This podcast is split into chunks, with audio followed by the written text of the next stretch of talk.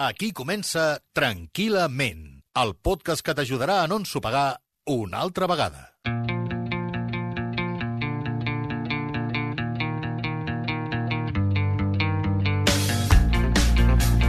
Bon dia, bona tarda, bona nit. El 3 de novembre de 2020 vam publicar el primer podcast del Tranquil·lament.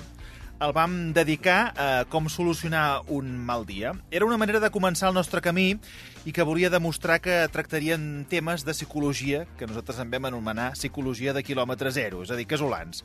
Vivències, emocions que tots hem patit o viscut en un moment o altre. A partir d'aquí, i 18 episodis més tard, hem viatjat pels companys de feina tòxics, per l'ordre i el desordre, hem buscat la mitja taronja o ens hem endinsat en l'educació, en l'envelliment o en les trampes dels propòsits, passant per les pors, i al contrari també el camí de la felicitat. I si ens escolteu de manera cronològica, que hi ha gent que s'ho va saltant, però hi ha gent que ho va seguint, us hem de dir que aquest és el darrer podcast d'aquesta primera temporada del Tranquil·lament. I buscant una filosofia d'aquest espai, eh, ens hem quedat amb aquesta banda sonora. Always look on the bright side of life. Always look on the light side of life. If life seems jolly rotten, there's something you've forgotten, and that's to laugh and smile and dance and sing. When you're feeling in the dumps, don't be silly chumps. Just purse your lips and whistle, that's the thing.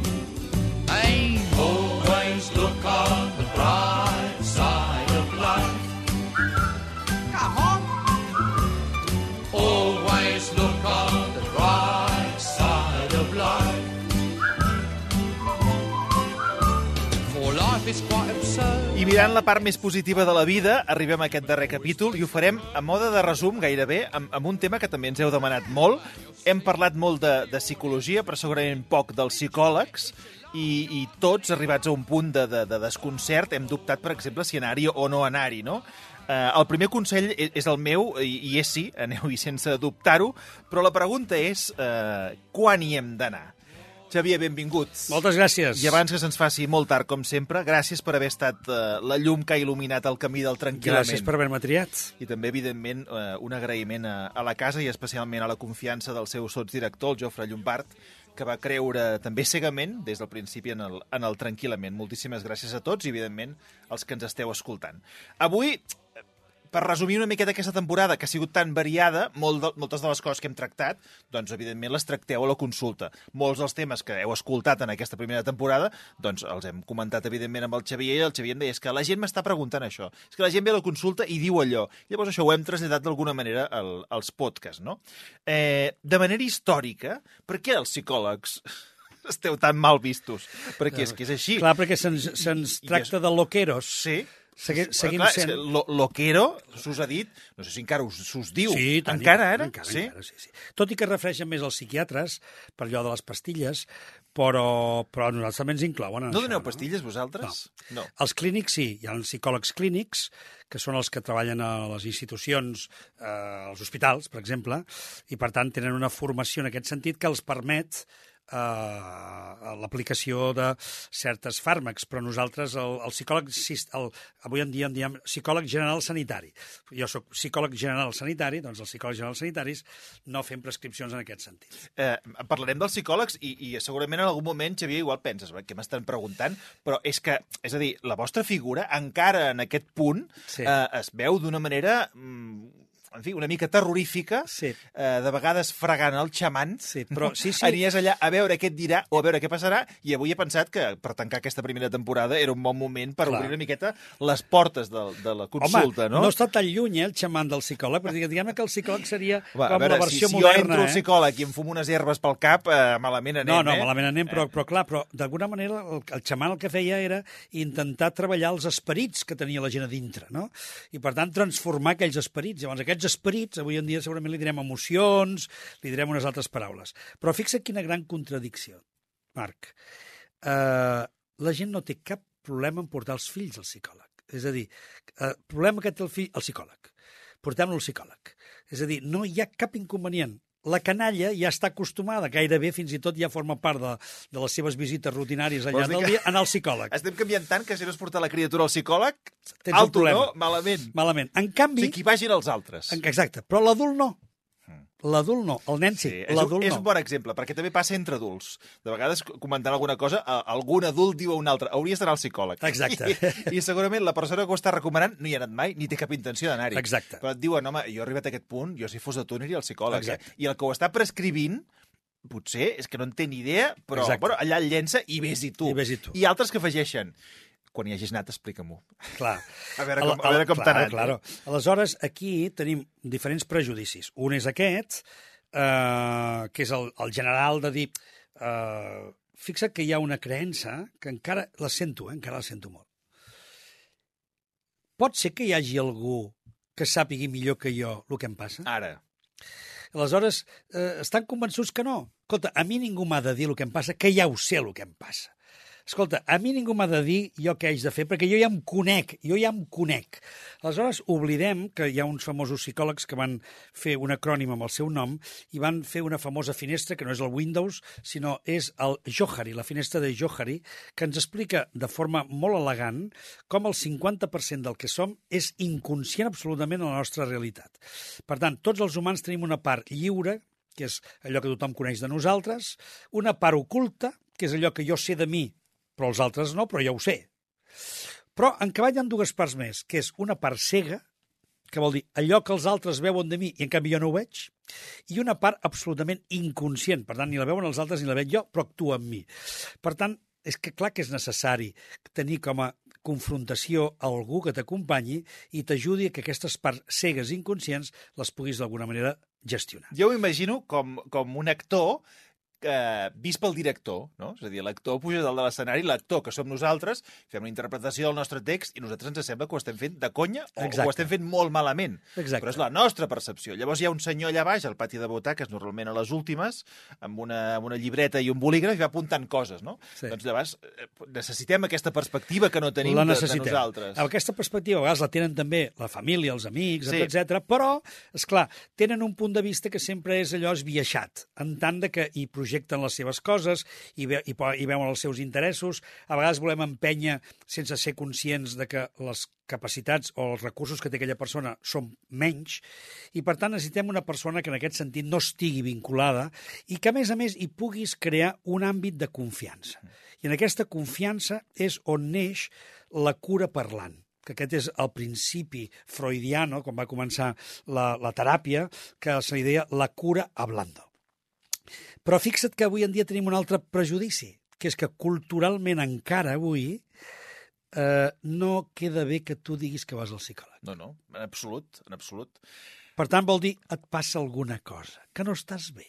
I et passa alguna cosa de cap, Exacte, de cap. mental. I després anem a parlar, si seguim aquesta beta, amb eh, la bogeria. Estàs boig, ets boig, eh, el loquero, I molta gent no ve perquè creu i té por que li diguin que està boig. que està boja, cosa que no fem mai, perquè, a veure, quan un ja està molt, molt tocat, eh, que arriba a aquests Sí, punts jo, si vaig al psicòleg i obro la porta, mai em diràs, escolti, vostè està Vostè boig. està molt malament, eh? Vostè no està... feu servir aquesta no, nomenclatura. No, perquè no, està normalment... saber-ho. És que, a més a més, ja no venen. Els, els que realment ho estan no venen Ah, val, al val, psicòleg. Eh? Ah, Pot haver algun cas esquizofrènic, pot haver algun cas psicopàtic, evidentment que sí, i, i normalment pues, en pots tractar una part i una altra part segurament l'has de derivar psiquiàtricament. Per tant, aquestes són les pors que té la gent a l'hora de venir al, al, al psicòleg. A- Ara, avui eh, dediquem aquest últim eh, podcast a parlar de quan s'hi ha d'anar, eh? O quan s'hi ha de tornar. Exacte. Potser alguns dels que ens escolteu teniu la sort, perquè jo ho diria així, d'haver-hi anat, no? Eh, em queda un altre tòpic, que aquest també m'agrada molt. Per què he d'anar jo a explicar-li un desconegut Això. unes coses Sí. que jo no explico a ningú i ara d'anar aquí a veure el senyor Guix, que jo l'he sentit en un podcast, i ara aquest senyor què? Jo he Sí. d'explicar més... Clar, eh, eh, vens a explicar problemes, eh, vens a explicar per, dir-ho així, entre cometes, misèries, no?, en alguna cir circumstància. No, no, i a més a més amb una estranyesa absoluta que és haver de parlar de tu amb un estrany, mm. perquè, escolta'm, encara que siguis conegut perquè has sortit a un programa el que sigui, però en realitat quan estàs davant de l'altre és que aquella persona no la coneixes de res, i de cop i volta aquella persona que no és res, en dos minuts li has d'estar dient em sento de... malament, em sento... I que segurament m'està- coses que... Eh, eh, això, I coses cert que íntimes. No, íntimes i que no has explicat a altres persones, segurament per vergonya. Llavors, et fa vergonya explicar-les a altres persones i les has d'explicar a un eh, absolut desconegut. Val, llavors, com, com superem eh, aquesta, Bé, aquesta fase? aleshores, aquí és on està... Sí, la, eh, la gent que té pànic, perquè sí. segur que ens escolten, i té pànic a aquesta situació que acabem d'explicar, d'obrir la porta i explicar una cosa que per ell o per ella pot arribar a ser dura o fins i tot vergonyant a una persona que no, no el coneix de res. Com, com superem aquest moment? Bé, perquè nosaltres tenim diferents estratègies. I aleshores, a l'hora d'acompanyar, a més a més d'un acte d'empatia, que això és com molt el fonament de la, de, la, de la teràpia, però també hi ha diferents estratègies en funció de, la, de que quan nosaltres observem la capacitat que té la persona d'estar oberta i d'obrir-se i de parlar o no, perquè n'hi ha que els hem de parar. És a dir, n'hi ha que obren l'aixeta i no paren. I, i, I llavors pensem, ho deu necessitar, per tant, deixem, Endavant. deixem que, que, que ho deixi anar tot. No, aleshores aquí utilitzem diferents estratègies. I una estratègia que molta gent ve amb, amb, una, amb un error de, de percepció sol ser creure que ha de venir, seure i explicar-ho tot i les seves justificacions, i nosaltres, i, vaja, segons cadascú com treballi, però normalment no, no anem a buscar justament que ens ho expliquin tot, sinó anem a entendre la relació que existeix entre el seu pensament i el que està vivint i quines relacions té, com les té, com, que, com estan afectant aquestes relacions a la seva vida, com les seves creences poden estar operant i com eh, l'entorn en el que està vivint pot estar-li creant les dificultats que I vostè em farà preguntes o ha de venir jo amb un text escrit o com anirà doncs això? la gent es pensa que ha de venir a parlar. Ah. I per què? Ah. Perquè eh, encara existeix la vella tradició de la vella escola de teràpia, que és l'escola dels que no diuen res. Aleshores, molta, moltes vegades et troba gent que et diu ai, és que l'altre terapeuta que anava no deia res. No deia res, doncs, bueno, seia allà i anava xerrant, anava xerrant, sortia i pensava no sé per què ni he vingut. El que passa que, clar, té un efecte ordenador. Aleshores, que una persona al teu costat t'aculli i no parli, o et digui molt poca cosa, també t'ajuda molt a que t'escoltis i t'endrecis, perquè parlant Sí, és sí, com a te't veure, vas ordenant. A veure, jo he vingut allà, vosaltres cobreu uns diners i jo vull que em diguis alguna cosa. A veure si ara resultarà que he vingut a veure un senyor que em mira, apunta i, escolta'm, i la teràpia me l'estic fent jo. No, no, no, no, jo, com a bon català, si he pagat per un servei, vull que se'm dongui. Doncs I vull aleshores- sortir d'allà i que Clar. aquell senyor em digui, a vostè li passa el que sigui. Doncs aleshores no, no, no, no fem diagnòstics, perquè normalment no, no, no fem allò de posar-te l'etiqueta, la llufa, perquè si posem la llufa te la creuràs, sinó que el que intentem fer és moltes preguntes. Aleshores, un bon terapeuta ha de tenir diferents estratègies. Una d'elles és eh, utilitzar diferents formes de preguntar. I la pregunta és molt important perquè una pregunta encertada pot guanyar-te la teràpia aquell dia. Per què? Perquè n'hi ha prou que una pregunta et situï en el marc de que callis i t'escoltis internament. Perquè quan fan una pregunta adequada que obre dintre teu el meló, ja han fet la feina. Per tant, jo vaig allà, vaig explicar, no tot, sinó el que em preguntin, o el que sorgeixi, Claro. i a partir d'aquí el psicòleg ja farà la seva feina, que per això Claro. cobra uns diners. Però no, no, no, el psicòleg que farà és dir-me què haig de fer. No, no em dirà què haig de fer. Però algunes persones sí que venen a la Home, consulta. a veure, a veure, a veure, un moment. O sigui, jo he pagat els meus diners, jo vull que vostè em digui què m'està passant. Sí. Ho Què dic perquè- m'està passant? Sí. Oh, clar, és que, diré, clar, t'ho diré. Ho dic perquè hi ha moltes persones, i crec que en aquest cas, encertadament, pensen, home, a veure, jo vaig al metge, aquell senyor em- em recepta unes pastilles. Sí. Jo vaig al psicòleg, eh, he passat una bona horeta allà, i jo Sí. vull que aquell senyor em digui què em passa. No, dir-te què et passa, mm, fins i tot no caldrà perquè te n'adonaràs. És el, el psicòleg el que farà és Això... adonar-te'n, fer-te n'adonar. Això és de les pitjors estratègies que, que, que ha imaginat mai la psicologia. No, no, vostè, jo no li he de dir com està. Vostè se n'adonarà. no, no, no. Parlem-ne, eh? No, no, Parlem-ne, no. perquè de vegades és complicat, No, no, això, eh? jo sóc l'esparring. Mm. És a dir, jo sóc la persona que està situant-me en el marc de la relació que té la capacitat de generar que et passin coses. Aleshores, el psicòleg en aquest sentit fa molts papers. Dintre de que no fa cap paper, fa molts papers. Per què? Perquè intenta ajudar-te en diferents situacions o preguntes que tu et, et sentis eh, confrontat, però confrontat no en el sentit de qüestionat. I aleshores, a partir d'aquí, la persona va entrant en una relació terapèutica. I quan va entenent la relació i es relaxa i comença a entendre de què va el joc, aleshores es permet jugar. I quan es permet jugar ja es va obrint i van sortint totes les coses d'una forma molt natural. És que els, els psicòlegs no heu comunicat bé això, eh? Crec que la, és la ficció us ha fet mal. És, és una feina que la ficció us ha fet mal. Hi ha el molts divà, tipus, eh? Bueno, el divà us ha fet mal, perquè... Eh, escolta'm, eh, això que estem fent aquí, que és com una teràpia cada, cada 15 dies que fem nosaltres dos, no deixa de ser una sessió de psicologia i, i la gent ho, ho, ho pot interpretar doncs, amb aquestes pors que comentaven abans, no? Jo no vull, jo no sé, vés a saber, i és tan senzill, per dir-ho així, eh, com parlar i tenir una comunicació amb una altra persona. Però sí que és veritat que la ficció us ha situat com una gent que té una llibreta, que no parla, que no mira, que jo m'estiro en un lloc, que passen 50 minuts i em diu, bueno, escolti'm, torni el següent dia. Sí. Us ha situat la ficció en un espai complicat i segurament, no sé si heu sabut, o el gremi ha sabut explicar-se, Jo no? crec que sí, jo crec que avui en dia, amb, mira el que estem fent aquí, és a dir, que... Sí, jo però que- ho, ho estem fent, eh? Sí, sí. I, jo crec que és útil el que estem fent. Molt, és a dir, molt, ho, molt. ho hem, ho hem d'explicar encara. que és la encara. psicologia pràctica. Aleshores, jo crec que la psicologia que ha anat passant per diferents etapes de la vida ha anat de, ha, també ha tingut diferents escoles. Hem passat per l'època psicoanalítica, hem passat per l'època conductista, hem passat per l'era humanista, ara estem molt en la cognitiva conductal i, i, i tot es va incorporant. I a mesura que es va incorporant, anem tenint molts elements. Avui fins i tot parlem ja d'un psicòleg eclèctic, és a dir, una, una figura que sigui capaç d'utilitzar com una caixa d'eines a la que pugui utilitzar diferents estratègies. Ara seran conductistes, ara seran humanistes, ara seran psicoanalítiques. En el sentit de que pot utilitzar eines o metodologies que ajudin però sempre en el sabent que estàs acompanyant un procés de vida i aquesta persona quan ha vingut és perquè necessita algun tipus d'aclariment emocional, necessita algun tipus de retrobament amb si mateix i necessita sobretot sentir que la seva vida torna a ser normal. Mira, posem-hi un ordre. Vinga. Uh, avui parlem de quan cal anar al psicòleg. Cinc situacions que cal plantejar-se uh, anar al psicòleg. Vinga. La primera. Mm, necessito aclarir-me. Aquesta és la habitual, perquè quan vens al psicòleg ja per això, vol dir que tu ja has intentat resoldre el teu problema, ja hi has donat moltes voltes, ja ho has parlat amb tothom, però no l'arregles. Aquesta és bona, eh? és a dir, quan intento saber on vaig eh, i les meves pròpies estratègies, que segurament em falten i són les que em donareu Exacte. als psicòlegs, s'han exaurit, exaurit. és quan entreu vosaltres. És quan entrem nosaltres, per què? Perquè justament és quan vens dient necessito ajuda. Però, però de què? Aclarir-me de què? Aclarir-me, a vegades pot ser d'aspectes mentals, és a dir, que he entrat en confusió, no me'n dono compte de quin sistema estic creant amb la meva ment, o que la forma que estic pensant una situació de futur o una situació de present, com l'estic pensant, veig que no me'n surto. Aclarir-me perquè m'he trobat en una situació nova, m'han ascendit a la feina i ara haig de fer una sèrie de coses que no les sé fer.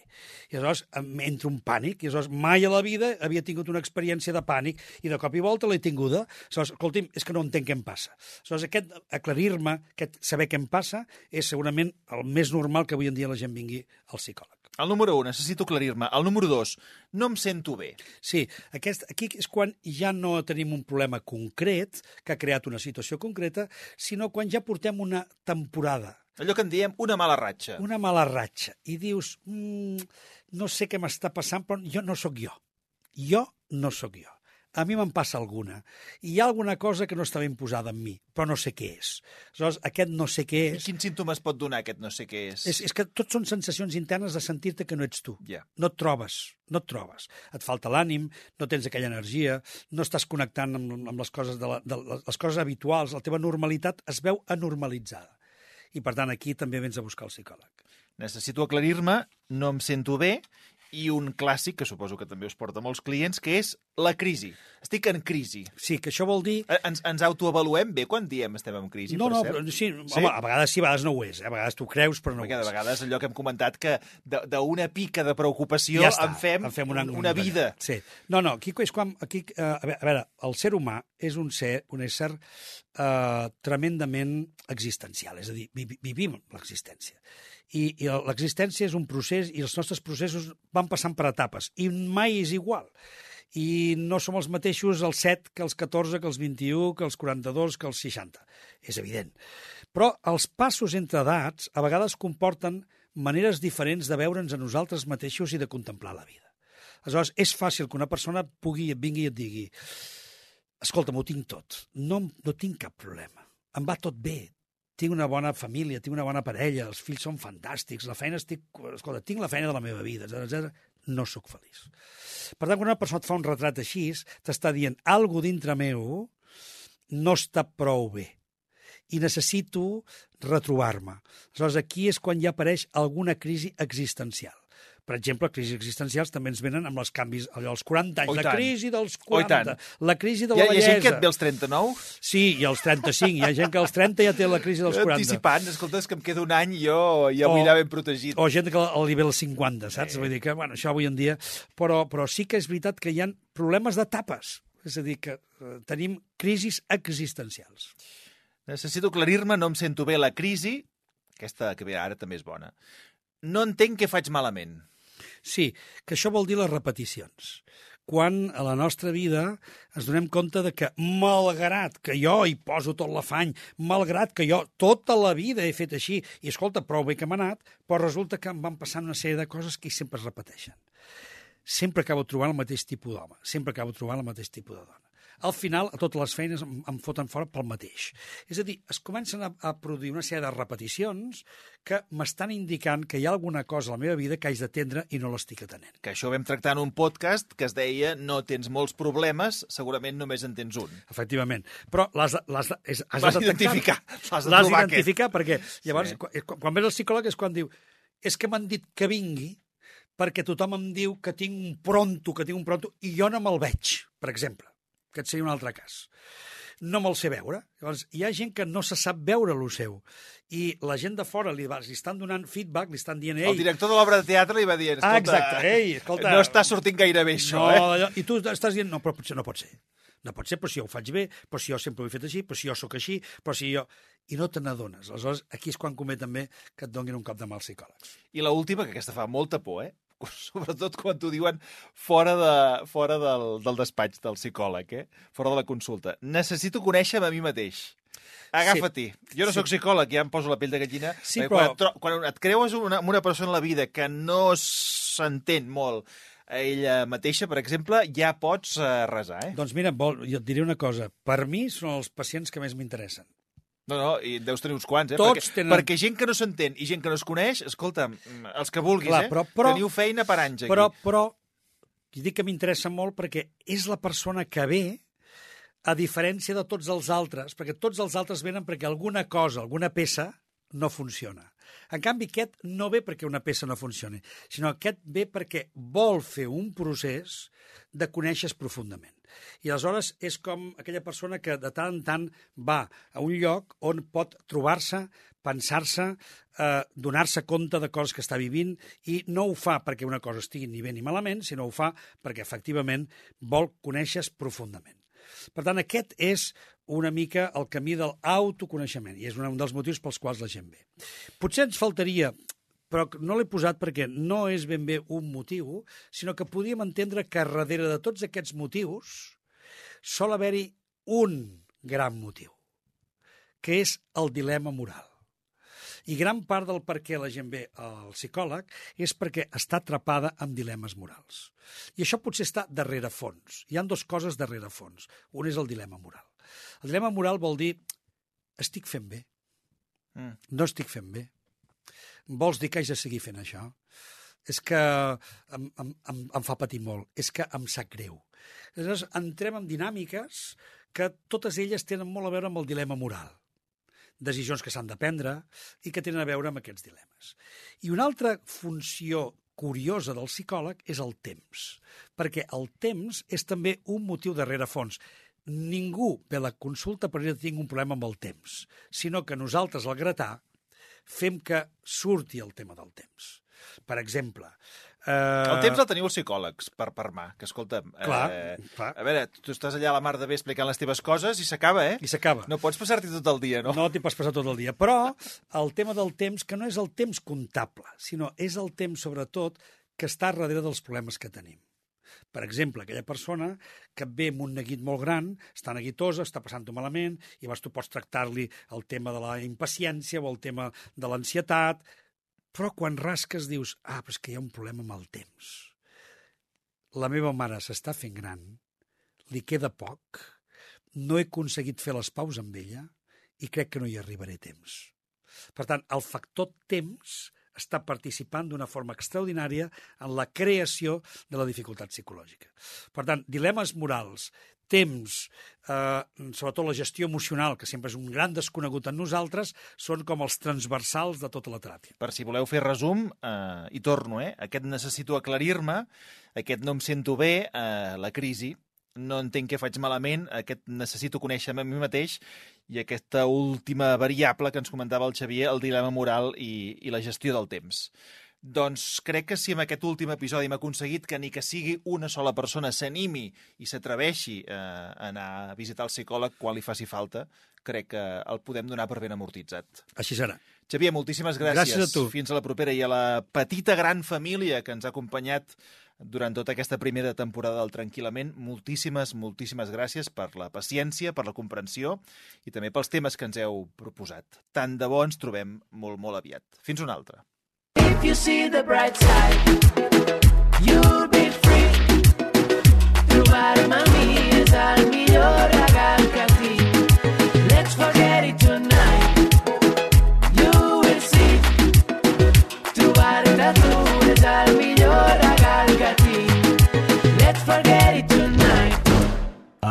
Música